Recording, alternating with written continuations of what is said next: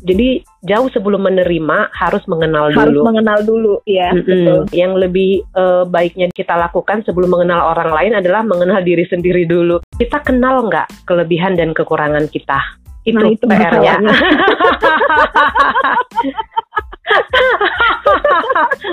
Jadi yang yang biasanya terjadi adalah orang lain yang justru lebih kenal kita, kita tuh nggak ngeh gitu. Setiap tindak tanduk kita tuh nggak sadar. Hai hai hai. Hai Christina. Hai Marlina.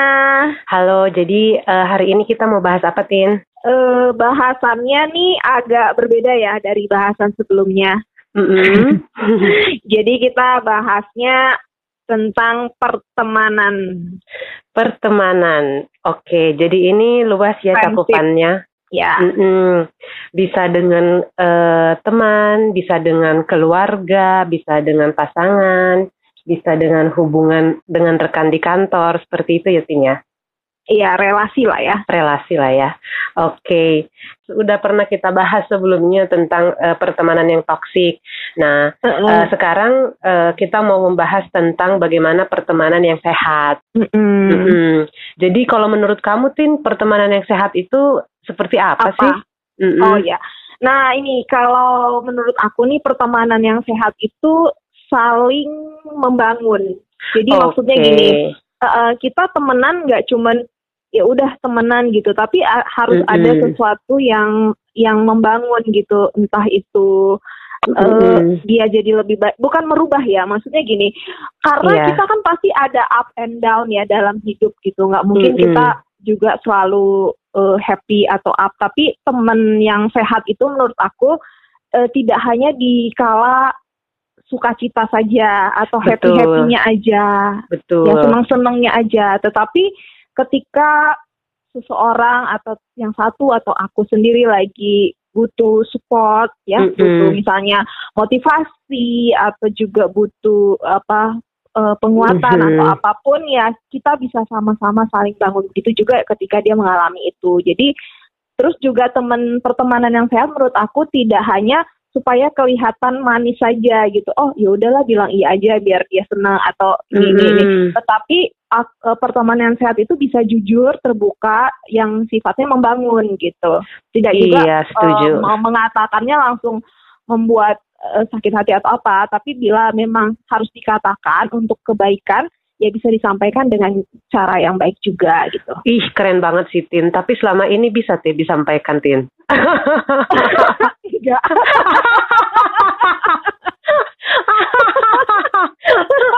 Tapi tahu lah ya, harusnya minimal tahu kalau seharusnya disampaikan gitu ya. Iya iya. iya. Nanti kita bisa praktekkan. Tapi udah tahu lah ya minimalnya kalau kita berteman tuh nggak cuman eh, baik-baiknya doang, tapi kalau dia misalnya ada yang mesti di eh, bukan mengkoreksi sih apa yang perlu dikembangkan dari dalam dirinya kita sampaikan juga. Walaupun memang kadang tidak mudah gitu kan untuk menyampaikan itu.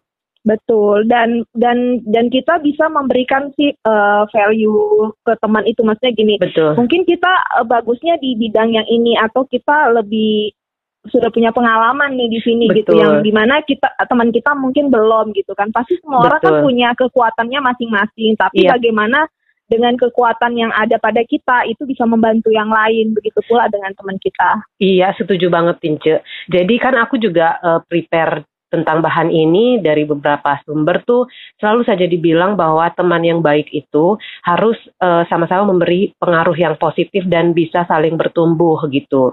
Yes. Sama banget eh, ya eh, dengan yang Tina tadi sampaikan. Dan kebetulan memang kan value-nya Tina itu kan pertumbuhan banget ya, self growth. Jadi jadi memang cocok banget kalau berteman itu kalau nggak bertumbuh, aduh kayak ada yang kurang gitu kan. Bukan berarti kita nggak mau berteman sama dia gitu, cuman betul eh, lebih serak kalau misalnya ada pertumbuhan di dalamnya. iya benar Mm-mm. benar Jadi menurut kamu mm-mm. aku mau nanya nih menurut kamu salah nggak sih kalau kita pilih-pilih teman kita pilih-pilih teman. Jadi gini, aku percaya banget lingkungan itu dapat mempengaruhi kita. Lingkungan yang Mhm. baik membuat kita lebih baik. Lingkungan yang eh, negatif dapat membuat kita semakin negatif. Aku percaya banget. Nah, tapi sekarang eh, gini, kalau dulu aku kayak, aduh mending gak usah berteman deh sama orang seperti itu misalnya yang yang negatif banget atau apa. Tapi somehow aku sekarang uh, sudah memiliki keyakinan bahwa aku sendiri yang seharusnya melindungi diriku dari pengaruh negatif orang gitu. Makanya aku ingin menguatkan uh, diriku sendiri. Aku ini nggak nggak akan mudah dipengaruhi orang, nggak akan mudah diisap uh, energi positifnya gitu. Jadi orang-orang yang uh, misalkan negatif di luar sana bukan seharusnya orang-orang yang dihindari tapi malah dibantu diberikan kasih sayang. Nah, makanya aku di sini juga mau bilang nanti bahwa kita itu perlu memenuhi uh, gelas kebahagiaan kita biar orang-orang negatif tersebut tidak bisa menarik habis emosi kita dan uh, energi kita tapi kita justru bisa sharing dan memberikan rasa cinta dan kasih sayang juga. Kalau misalnya itu adalah keluarga kita, ya kalau menurut aku sih kalau mm-hmm. keluarga ataupun saudara kan memang tidak bisa dipilih ya, tidak mm-hmm. ada gitu. Tapi kalau teman, teman kan mm-hmm. bisa dipilih. Betul. Kita mau berteman sama dia atau nggak beda dengan cuman apa ya, cuman interaksi kan karena mm-hmm. profesionalitas atau pekerjaan itu kan nggak mesti teman ya, bisa mm-hmm. bisa aja gitu. Secara profesional kita memang berinteraksi, tapi teman mm-hmm. uh, bisa dipilih dan apakah Betul. Apakah kita baik gitu untuk um, tidak berteman mungkin berkenalan hmm. atau berinteraksi oke okay, tetap ya eh, nggak e, bisa lah kita mm -hmm. hindari gitu dalam perjalanan hidup kita harus mm -hmm. orang yang sesuai aja yang kita interaksiin gitu nggak mungkin mm -hmm. tapi kalau teman menurut aku pribadi sih itu bisa dipilih bisa bisa uh -uh. sih betul memang bisa dan sebaiknya memang kita uh, supaya mau positif dan terus bertumbuh dan berkembang memang harus di lingkungan yang uh, memang positif dan mau berkembang mendukung. gitu dan Tapi yang mendukung. Tadi Iya, insight kamu tadi bagus banget ya. Jadi siapa mm dong yang menemani mereka kalau mereka berteman dengan iya. sesama sesama yang uh, negatif, kurang, misalkan, kurang negatif mm -hmm. gitu, ya mereka nggak akan dapat insight positif dong gitu kan. Mm -hmm. Maksudnya, ya tadi poinnya itu bagus sih. Tapi pastikan mm -hmm. kalau menurut aku, pastikan diri sendiri uh, kuat dulu pastikan kamu kuat dulu mm-hmm. karena kalau kamu nggak kuat energi kamu nggak besar kamu mm-hmm. akan lebih mudah untuk malah jadi menurun gitu iya malah jadi ngikut ke mereka ngikut gitu mm-hmm. kalau nggak kuat udah mending hindari dulu betul betul jadi ketahuin diri sendiri dulu poten yes. apa kekuatan diri sendiri dulu kalau yakin uh, aku kuat ya udah tapi kalau misalnya enggak ya jangan mending memaksakan. dihindari jangan mm-hmm. memaksakan Iya, iya. Ya, aku okay, sepakat. sepakat ya. Oke. Okay. Sip, lanjut yuk. Ya, jadi tadi uh, aku setuju banget sama kriteria pertemanan yang uh, Tina sampaikan, memberi pengaruh positif, bertumbuh, ada saat senang dan sedih ya tadi uh, Tina juga mm-hmm. ngomong ya. Mm-hmm. Uh-uh. Nah, aku mau nambahin aja beberapa, saling menerima apa adanya. Hmm. Gitu, saling menerima apa adanya. Saling menerima ini gimana sih artinya? Saling menerima, uh-uh. kalau menurut Tina yeah. apa? Kayak yang kema uh, barusan aja kita bahas ya bukan di podcast ini tapi mm-hmm. uh, aku tuh sangat ter ter ini ya teringat lagi gitu yang kamu bilang bahwa oke okay, aku sendiri kan punya kelemahan maupun kelebihan kan Betul, tidak ada manusia orang. yang sempurna nah mm-hmm. terkadang dalam hubungan gitu dalam pertemanan juga kita menuntut eh, kelebihan-kelebihan gitu, kebaikan-kebaikan mm -hmm. dari orang lain. Nah, kita lupa bahwa dia pun sama kayak kita yang punya kelemahan. Nah, Betul. mungkin saling menerima ini adalah kalau kelebihan udah pasti bisa diterima, tapi mudah saling mener ya mudah diterima. Tapi tadi kamu bilang saling menerima poin nomor satu itu artinya menerima juga kekurangan atau kelemahan orang lain Betul, atau sepaket. teman kita sepaket iya. ya. Karena kan kita juga kepengen diterima oleh orang lain sepaket dengan kekurangan kita kan. Nah cuman uh, kita kenal nggak ke kelebihan dan kekurangan kita? Itu, nah, itu PR-nya.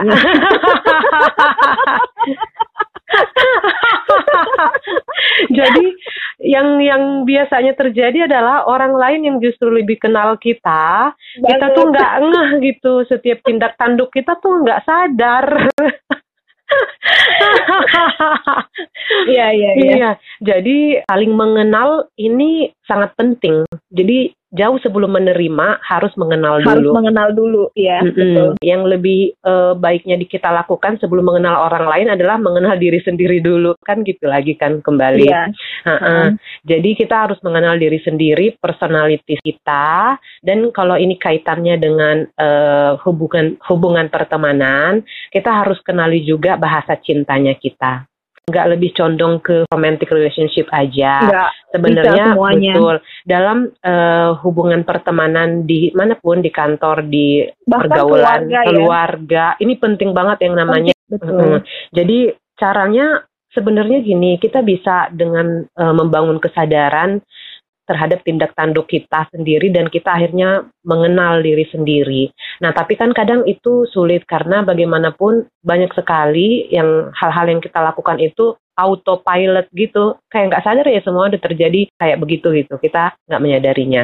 Nah, kalau misalnya kita sulit menyadari tindakan kita, kita sebenarnya bisa lebih mengenali diri dengan misalnya ikut tes, tes personality, tes psikologi, Kepribadian. kepribadian, atau bisa ikut juga tes untuk eh, pengenalan bahasa cinta. Ya. Heeh. Nah, jadi yang pertama dulu aja tuh nanti kita bahas tentang bahasa cinta. Pertama personalities aja atau kepribadian. Nah, kan setiap orang itu punya kepribadian yang berbeda-beda. Ada introvert, ada ekstrovert, ada yang observer, yang mengamatin dengan inderanya dia, ada yang intuisi, ada yang lebih ke thinking, ada yang lebih ke feeling, ada yang harus strict dengan jadwal, dengan planning, dengan waktu, dengan struktur. itu kepribadian yang bagus loh, kuat Iya, loh, iya, keren iya. loh itu. Iya. Heeh. Dan ada, Ada yang, yang nggak Mm-mm. begitu fleksibel ya. Iya, kamu mau nyindir aku juga. nah ini kita ambil eh, contoh Jadi guys, mm-mm, kita dua ini beda banget ya. personality-nya kita beda banget. Kayak langit dan bumi. Dia ke ekstrim ke kutub utara, aku ke kutub selatan. Oke oke. Iya kan, Tin? Gitu. Tapi eh, kalau yang aku baca-baca sih kepribadian yang bertolak belakang justru semakin bagus dalam dalam hubungan pertemanan atau relationship ya. Nanti kita bahas. Jadi gini, Hmm. kalau kalau dari segi eh, karakter tadi, personalities, contohnya aja yang saya ambil adalah kepribadian berdasarkan MBTI. Nah, ini teman-teman bisa browsing tentang MBTI itu apa. Pokoknya itu mereka membagi eh, kepribadian dalam 16 jenis kepribadian. Nah, kamu eh, jenis yang mana, kamu bisa ambil tesnya sendiri. Nah, eh, Mhm. kenapa kita penting untuk mengenal karakter orang lain atau eh, kepribadian orang lain? Karena sering banget eh, muncul percekcokan ya, pertengkaran karena, iya, karena saling tidak beda- paham. Ah, karena saling Hmm. tidak paham, tidak Hmm. paham kepribadian temannya, kepribadian diri sendiri gitu. Nah, Iya. contohnya, contohnya, nah Contohnya kita aja kita nih. aja nih. Contohnya, Tina itu tipikalnya yang eh, terstruktur, terjadwal, yang tadi Iya. tipe J kalau judging dalam personality. Nah, aku kebalikannya. Dan aku tuh kebalikannya kuat banget, yaitu orang-orang yang lebih fleksibel, lebih open to option. Jadi yang namanya tepat waktu itu aduh jarang banget deh bisa gitu kan. Janjian jam berapa ngaret atau bahkan kayak eh, pura-pura lupa apa seperti apa nggak ngerti. Coba Tina disampaikan keluh kesahnya nggak apa-apa kok. Jadi setiap janjian eh, taping podcast itu tuh kita udah set jamnya, harinya. Mm-mm, Jadi mm-mm. biasanya eh, kita sepakati berdua tuh jamnya. Jadi walaupun aku Mm-mm. yang mengajukan atau Marina yang mengajukan, tapi kalau aku udah sepakat, oke jam segitu oke baru kita deal. Nah Eh, Mm-mm. kalau menurut aku kalau keduanya udah deal maka keduanya wajib eh, bukan harus nggak boleh ya keduanya sebaiknya eh, mengikuti gitu kan mengikuti apa yang sudah didealkan ini gitu tetapi Mm-mm. pada kenyataannya Gimana? sering kali sering kali ah, nggak terjadi seperti itu ya ya maksudnya Jadinya kecewa. kecewa jadinya tapi aku sih sebenarnya sekali dua kali nggak apa-apa cuman karena eh, udah 80 persen kan ada batas kesabaran orang ya. ada batas Udah lewat ya. Kayak absensi aja kan 20% tidak hadir masih dimaklumi dosen ya. ini, ini kamu udah nggak ngemaklumin lagi ya dosen perilakuku. ya, terus uh, nah itu. Ternyata Marlina ya dia nggak nggak begitu apa ya nggak ini nggak tentang terhadap, kualitas ya guys. Jadi aku mau bilang tentang hmm, ya. mau bilang ke teman-teman bahwa ini hmm. bukan tentang kualitas tapi bukan, ini bukan. tentang kepribadian. Aku tentang mau membersihkan nama baikku. Nama baik yang sudah tidak baik lagi sebenarnya udah kebanyakan borok sudah di sini. banyak, sudah banyak ada jadi ini ini bukan sih bukan lebih ke kualitas enggak. Kalau dituntut untuk profesional ya semua orang bisa. Tapi ini kita bicara tentang kecenderungan. Jadi hmm. setiap orang itu punya kecenderungan dia lebih mudahnya di mana gitu. Kayak misalnya ini introvert ya kita ngomong ya. Itu bukan hmm. berarti dicap oh dia nggak bisa bicara gitu kan. Di umum enggak juga bisa gitu. Tapi betul. e, masalah kecenderungan aja sih. Jadi kayak tadi juga masalah organ terorganisir ya orang-orang seperti kepribadiannya Marina P ya. P aku mm -hmm. kan J gitu. Judging kalau Marina pers persising. Persising gitu kan. Nah, orang-orang mm -hmm. yang P ini uh, dia tidak kecenderungannya tidak uh, begitu terorganisir gitu, tidak takut dengan jam gitu. Uh, jadi lebih lebih slow gitu, lebih mm -hmm. santai aja, santai. nggak uh, menganggap yeah. itu sesuatu yang yang penting banget ya tahu penting tapi nggak mm -hmm. yang uh, apa ya nggak yang uh. harus banget gitu lah. Mm -hmm. Nah, nah dengan saling paham kayak mm -hmm. gini, oh ya udah kita cari bukan berarti kita mengubah 100% ya, tapi mencari jalan tengah, mengkomunikasikannya juga jadi lebih saling paham tuh lebih enak. Kalau kita nggak nggak paham, kita komunikasinya bisa aja lebih ke marah. Ih kamu kok ini. Tapi kalau udah paham, oh dia tipe yang kayak gini. Oke, okay, tapi aku juga punya kebutuhan nih untuk mm -hmm. uh, untuk terorganisir. Nah, dia tahu juga kebutuhanku. Jadi oke okay, uh, eh, kita gimana nih? Nah, akhirnya kita ketemu ya, ketemu jalan tengahnya. tengahnya. jalan tengahnya. Jalan tengahnya, kamu berusaha untuk uh, tidak terlalu selalu sakit ngingetin. hati. Ya, ya, ya, ya, kamu selalu ngingetin. Karena aku juga uh, suka kalau diingetin sebenarnya. Nah, nah, karena orang tipe P ini nggak uh, bisa sendiri untuk nggak apa namanya set uh, set mm -hmm, atau mengikuti mm -hmm. jam yang sudah ditentukan itu. Jadi mereka perlu diingatkan. Nah, ternyata tadinya aku sebelum paham itu aku pikir kalau diinget-ingetin terus menerus gitu jadi kayak kayak bikin apa aku ya, nggak nyaman. nah, mm. bikin nggak nyaman. Karena aku kalau digituin juga kayak gitu. Nah ternyata kan kita beda nih. Apa beda. yang menurut aku kalau dilakukan ke aku bisa aku nggak nyaman belum tentu mm -mm. buat orang yang T ternyata itu itu oke okay, malah dia seneng. Jadi dia lebih terarah betul. Gitu, tapi itu ketahuannya setelah kita komunikasi setelah gitu komunikasi. Kan? tapi tetap intinya adalah komunikasi. Tetapi untuk komunikasi yang baik kita perlu tadi saling saling mengenal. Ya. betul Iya, uh, itu nanti boleh kita bahas tentang MBTI lebih dalam, tapi uh, uh, so far itu aja dulu karena iya, masih banyak bahasannya. Hmm. Okay, okay. Terus next itu kenali bahasa cinta. Nah, jadi dalam setiap uh, relationship ini penting banget, nggak cuma dalam hubungan percintaan. Jadi contohnya, oh gini aja dulu, bahasa cinta itu kan ada lima. Teman-teman mm -hmm. kalau ingin mengetahui bahasa cintanya boleh ikutan tes di fivelovelanguages.com. Nanti yeah. aku bikin linknya di caption episode yang ini. Ya, jadi love languages itu ada lima. Yang pertama yaitu words of affirmation. Ini artinya orang-orang yang suka banget mendengar affirmation atau kata-kata pujian dari mulut orang lain. Terus yang kedua, act of service act of service ini adalah orang-orang yang suka melayani gitu, menunjukkan cinta dan kasih sayangnya lewat service, lewat pelayanan. Terus yang ketiga, physical touch. Jadi ini nggak nggak cuman uh, touching touching ini ya yang uh, hubungan romansa gitu ya enggak tapi memang uh, ada orang yang nyaman sekali kalau sudah dipeluk atau misalnya diusap kepalanya atau sekedar diusap tangannya gitu untuk memberikan dukungan nah orang-orang seperti ini suka banget uh, skinship gitu terus yang keempat uh, memberikan kado atau hadiah atau present gitu orang tuh suka kalau misalkan uh, dia tiba-tiba dikasih surprise yaitu kado gitu atau hadiah. Hmm. Terus satu lagi, next yaitu quality time. Orang-orang seperti ini suka menghabiskan hangout ya, menghabiskan waktu bersama menghabiskan dengan teman-temannya. Nah ini tipikalnya yang misalnya kalau lagi barengan jangan sampai lu liatin handphone padahal lu lagi ngobrol sama dia gitu. Dia kesel banget kalau lu uh, liatin handphone mulu, nggak dengerin gitu. Nah itu bahasa cinta. Jadi uh, pentingnya mengetahui bahasa cinta ini adalah biar kita sama-sama bisa menunjukkan rasa cinta kita kepada orang lain dan dia tuh nangkep kalau itu adalah tanda-tanda cinta dan perhatian gitu. Jangan sampai hmm. kayak gue sama temen gue nih.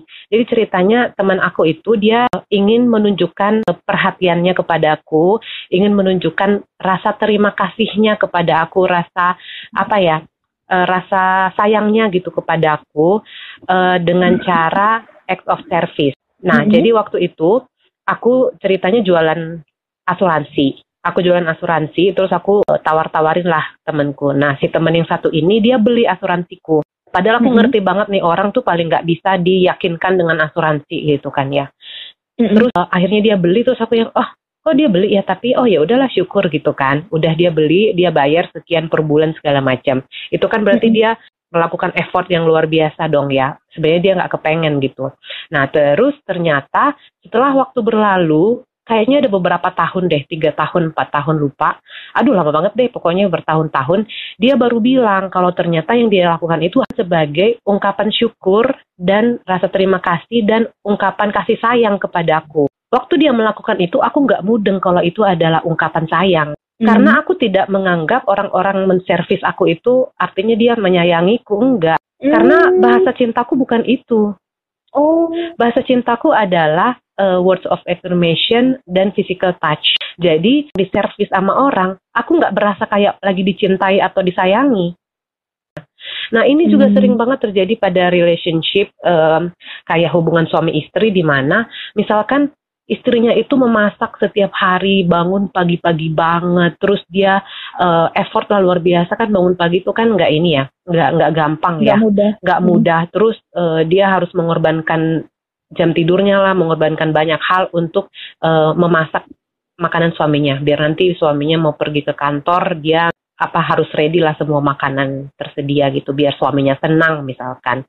Eh ternyata suaminya ke sini-sini ternyata mengeluh gitu kok istriku nggak menyayangiku ya kayaknya. Jadi salah bah salah bahasa gitu guys. Istrinya kepengen menunjukkan rasa cintanya dengan sangat sungguh-sungguh dengan mengorbankan segalanya demi memasak untuk suaminya. Ternyata suaminya nggak butuh itu. Suaminya butuh physical touch yang hanya misalnya pagi-pagi lu nggak usah ngapa-ngapain dulu deh, mau nggak masak juga nggak masalah. Yang penting uh, kayak menghabiskan waktu lima menit aja untuk pelukan misalnya. Mm-hmm. Gitu aja bagi dia udah kayak feeling love banget gitu. Nah jadi kan nggak ketemu gitu saya. Jadi sedih banget kalau ada orang yang sama-sama mencintai sudah mengorbankan segalanya demi orang yang dicintai, eh taunya nggak nyampe ke orang itu. Iya, betul. Karena Tetap orang beda-beda bahasa cintanya. Uh, bahasa cintanya gitu nggak sama. Dan walaupun semua orang sebenarnya bisa aja punya lima limanya, cuman kadarnya ada yang dominan. Ada yang dominan uh, mana? Di mana, hmm. di mana gitu ya. Hmm. Nah itu jadi saling mengenal dan menerima apa adanya itu sangat eh, sangat-sangat penting. Menerima apa adanya tadi bersama dengan kelemahannya ya itu PR mm-hmm. untuk menerima kelemahan tapi kalau kau sudah menyayangi orang menyayangi temanmu kayaknya apa pun kelemahannya uh, walaupun susah ya belajar gitu. Terus kita harus bisa untuk create boundaries. Create boundaries ini artinya adalah menciptakan batasan. Kita harus mengajarin orang cara memperlakukan kita gitu. Jangan mm -hmm. sampai orang uh, semena-mena gitulah dengan kita. Jadi kita kasih tahu apa yang kita suka, apa yang kita nggak suka, apa value kita yang kita anggap penting dan apa yang enggak. Kebayang nggak Tin? Contohnya gimana tuh? Iya, jadi misalkan uh, aku value sangat menghargai keluargaku. Aku sangat menghargai okay. keluargaku. Jadi kalau aku sedang quality time sama keluargaku, tolong dihargain. Jangan uh, misalkan menuntut supaya aku ada pas aku lagi bersama keluargaku.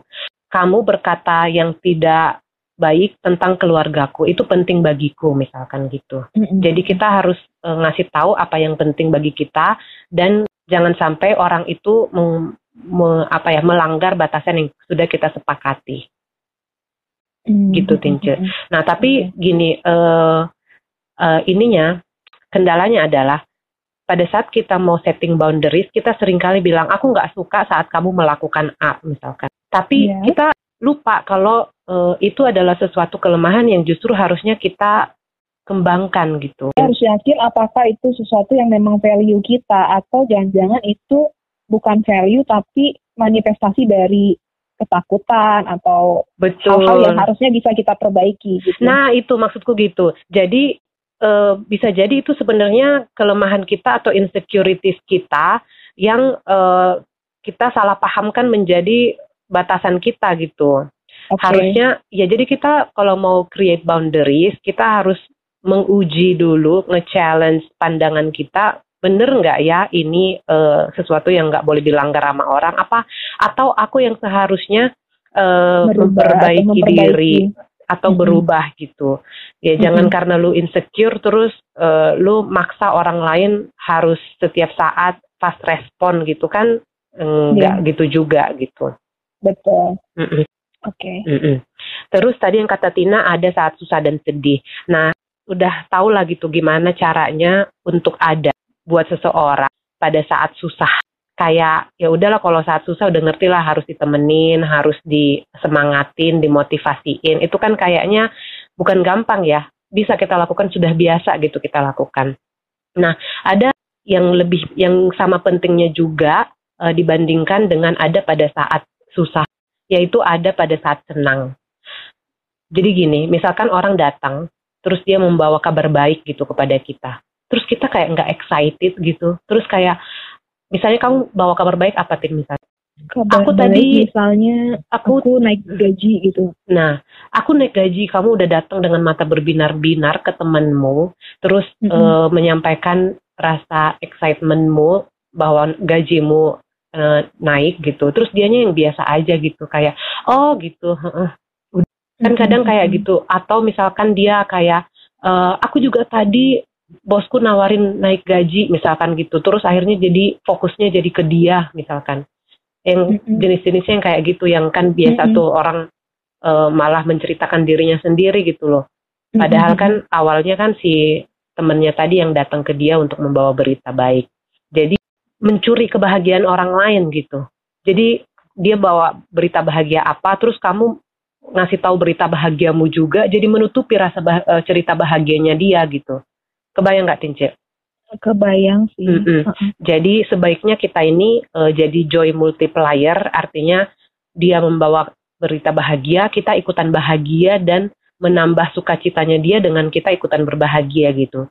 Jadi yeah. sebaiknya kalau misalkan orang datang mau apa aja deh curhat tentang hal susah, hal sedih maupun hal baik, kita sebisa mungkin mirroring Artinya kita ngikutin dia bahagia, kita bahagia gitu, excitement. Dia sedih, kita ikutan sedih. Nah, kalau kita ada pada saat susah, pada saat senang, itu malah menjadi memperkuat relationship. Gitu ya, oke. Okay. Pokoknya mirroring ya. Jadi kita me me mencerminkan lagi. Misalnya dia lagi bahagia, kita bisa sebisa mungkin pertanyaan yang membuat dia bercerita tentang kebahagiannya. Mm -hmm. gitu. Ya ikut bahagia juga. Dan ikut bahagia juga, mm -hmm. gitu ya. Oke. Okay. Kalau dia sedih okay, kita okay. ikut sedih juga. Itu kan kar bukan karena kita mau ini ya. Sering banget kita gimana sih bukan peres bukan, bukan karena apa? kita mau uh, pencitraan. Pencitraan peres, bukan. bukan. Tapi uh. kalau kita memang sungguh-sungguh berteman atau uh, mencintai teman kita itu akan otomatis, otomatis kita pasti ikut sedih. apa yang dia rasakan, rasakan itu jadi bagian juga dari apa yang kita, kita rasakan. Maksudnya kita akan berbahagia ketika dia berbahagia gitu kan? Iya betul. Iya gitu Tince.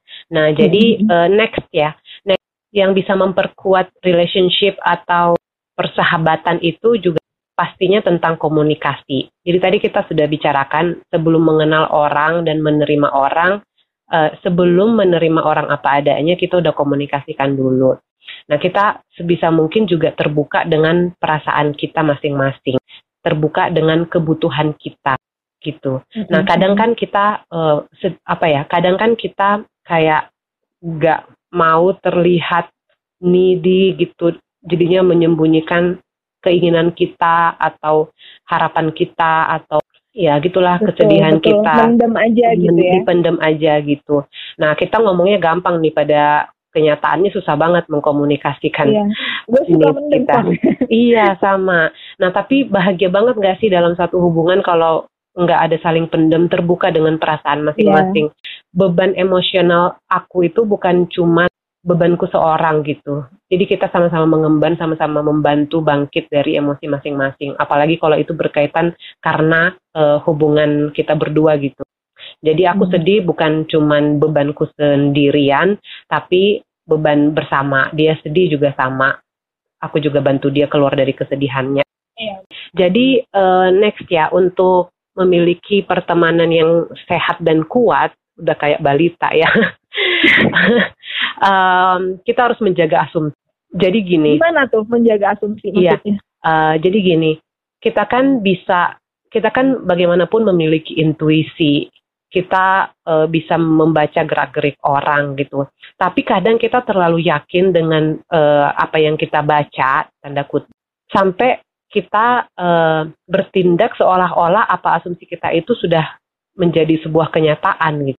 Ya oh, kan? jadi kita menebak, menilai, menilai, gitu ya. Menebak, Kayaknya dia mm kayak gini, dia, dia pengennya aku gini. Jadi kita udah langsung uh, eksekusi tuh tindakan betul, kita. Padahal betul. kita belum konfirmasi belum ya, konfirmasi. apakah dia memang ingin atau begitu ya. Mm-mm. Nah ini uh, sering banget terjadi. Apalagi ya, ini misalkan di awal-awal pertemanan itu tuh bahaya banget udah yang nggak ngerti gitu kan nggak nggak kenal. Terus langsung di uh, mind reading atau tadi dibaca pikirannya terus kayaknya dia berpikiran seperti ini deh gitu.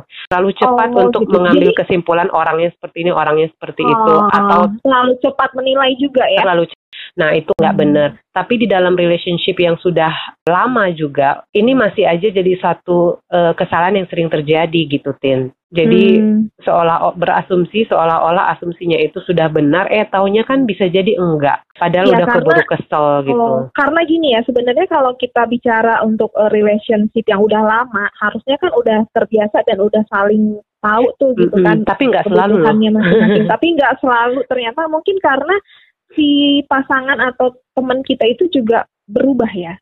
Dia punya. Betul. Dia kan, dia punya harapan yang berubah, dia bertumbuh juga dan mm -hmm. aja berubah dia yang berubah pandangan. Dia tahun yang lalu dengan dia yang uh, sekarang mm -hmm. udah bisa berbeda yang dia suka, berbeda iya. yang dia fokuskan gitu ya. Iya betul. Terus memang kan banyak sekali ininya maksudnya gini dalam kehidupan sehari-hari kan banyak banget aspek ya yang yang mempengaruhi pemikiran seseorang gitu kita hmm. udah mengenal dia kalau dia orangnya seperti ini dalam satu hal ini tapi kan begitu di hal lain mungkin berbeda juga jadi intinya jangan yeah. pernah percaya sama uh, apa yang kamu baca dari gerak gerik gerak gerik orang atau uh, berusaha membaca pikiran orang itu hmm. tuh gak ada itu orang yang bisa membaca pikiran orang jadi sebaiknya memang kita komunikasikan asumsi kita apakah sudah terkonfirmasi atau belum, baru kita bertindak gitu. Jadi jangan sebel duluan, jangan kesel duluan, yeah. jangan marah-marah dulu, padahal belum tentu beneran gitu. Ya, jadi berikutnya tentang ekspektasi. Nah, kita sering banget kan berekspektasi pada teman kita atau orang-orang di sekitar kita. Pengennya sih dia memperlakukan aku seperti ini gitu. Kita kadang lupa kalau orang itu nggak mempunyai kapasitas untuk itu atau ekspektasi kita terlalu tidak rasional atau terlalu nggak mungkin gitu ketinggian gitu ekspektasinya padahal misalnya kondisinya nggak memungkinkan untuk melakukan itu. Nah ekspektasi itu juga sebisa mungkin memang dikomunikasikan, komunikasikan harapan kita dalam pertemanan ataupun dalam relationship. Walaupun okay. itu susah gitu kan, tapi e, sebisa mungkin memang disampaikan supaya kita tidak sakit hati. Nah tapi berekspektasi pun itu harus menyiapkan diri untuk tidak menerima sesuai dengan yang diharapkan. Iya. Nah, kadang udah berharap-berharap aja, udah disampaikan, dikomunikasikan, eh pada saat misalnya dia nggak bisa menyediakan sesuai ekspektasi kita, kita kemudian down atau kecewa. bersedih, kecewa gitu. Jadi sebelum meminta, siapkan hati untuk tidak menerima. Selanjutnya adalah tentang self love. Nah, di sini aku mau bilang bahwa uh, kita harus mengisi gelas kebahagiaan kita dengan cara mencintai diri kita uh, apa adanya. Nah, bagaimana cara mencintai diri ini ya sama seperti kamu mencintai temanmu atau mencintai uh, keluargamu pasangan. atau mencintai pasangan gitu. Jadi cintai diri sendiri, penuhi kebutuhan diri sendiri dan kebahagiaan diri sendiri. Jangan mm, menggantungkan kebahagiaan pada orang lain. Jadi aku akan bahagia kalau dia uh, melakukan A, melakukan B, melakukan C, enggak gitu. Karena itu sering kali bahkan uh, akan membawa apa ya uh, kekecewaan. Jadi harus penuh dulu gelas kebahagiaan kita dengan melakukan hal-hal yang kita cintai, sukai, dan memang baik adanya untuk kita, membuat diri kita bahagia long term. Uh, dengan demikian kita bisa uh, membagi kebahagiaan itu juga kepada orang lain, pada teman, kepada sahabat. Nah ini terjadi nih aku tin. Aku tuh dulu gak terlalu care gitu sama teman-temanku ya somehow. Kadang kalau misalnya mereka cerita juga somehow aku gak terlalu pay attention dan sebagainya. Ternyata setelah aku pahami diriku itu aku gak punya energi tin untuk membahagiakan orang lain, untuk hmm, apa ya mem memperhatikan orang lain gitu. Mm -hmm. Jadi uh, sebisa mungkin memang diri kita ini harus terjaga kebahagiaannya agar kita punya kapasitas untuk membahagiakan orang, orang lain gitu atau uh, memperhatikan orang lain. Nah, betul, betul. ini apalagi ya kalau dalam hal uh, percintaan ini kaitannya dengan romantic relationship. Kalau kita nggak bahagia sendirian, bagaimanapun kita nggak akan bahagia dengan pasangan kita ketika kita sudah memiliki pasangan. Karena kita akan menggantungkan kebahagiaan kepada pasangan. Nah, berarti di self love ini temukanlah kebahagiaan sendiri. Kita, jadilah mm. bahagia sendiri karena mm -hmm. uh, orang yang bahagia akan lebih mudah untuk membahagiakan orang lain.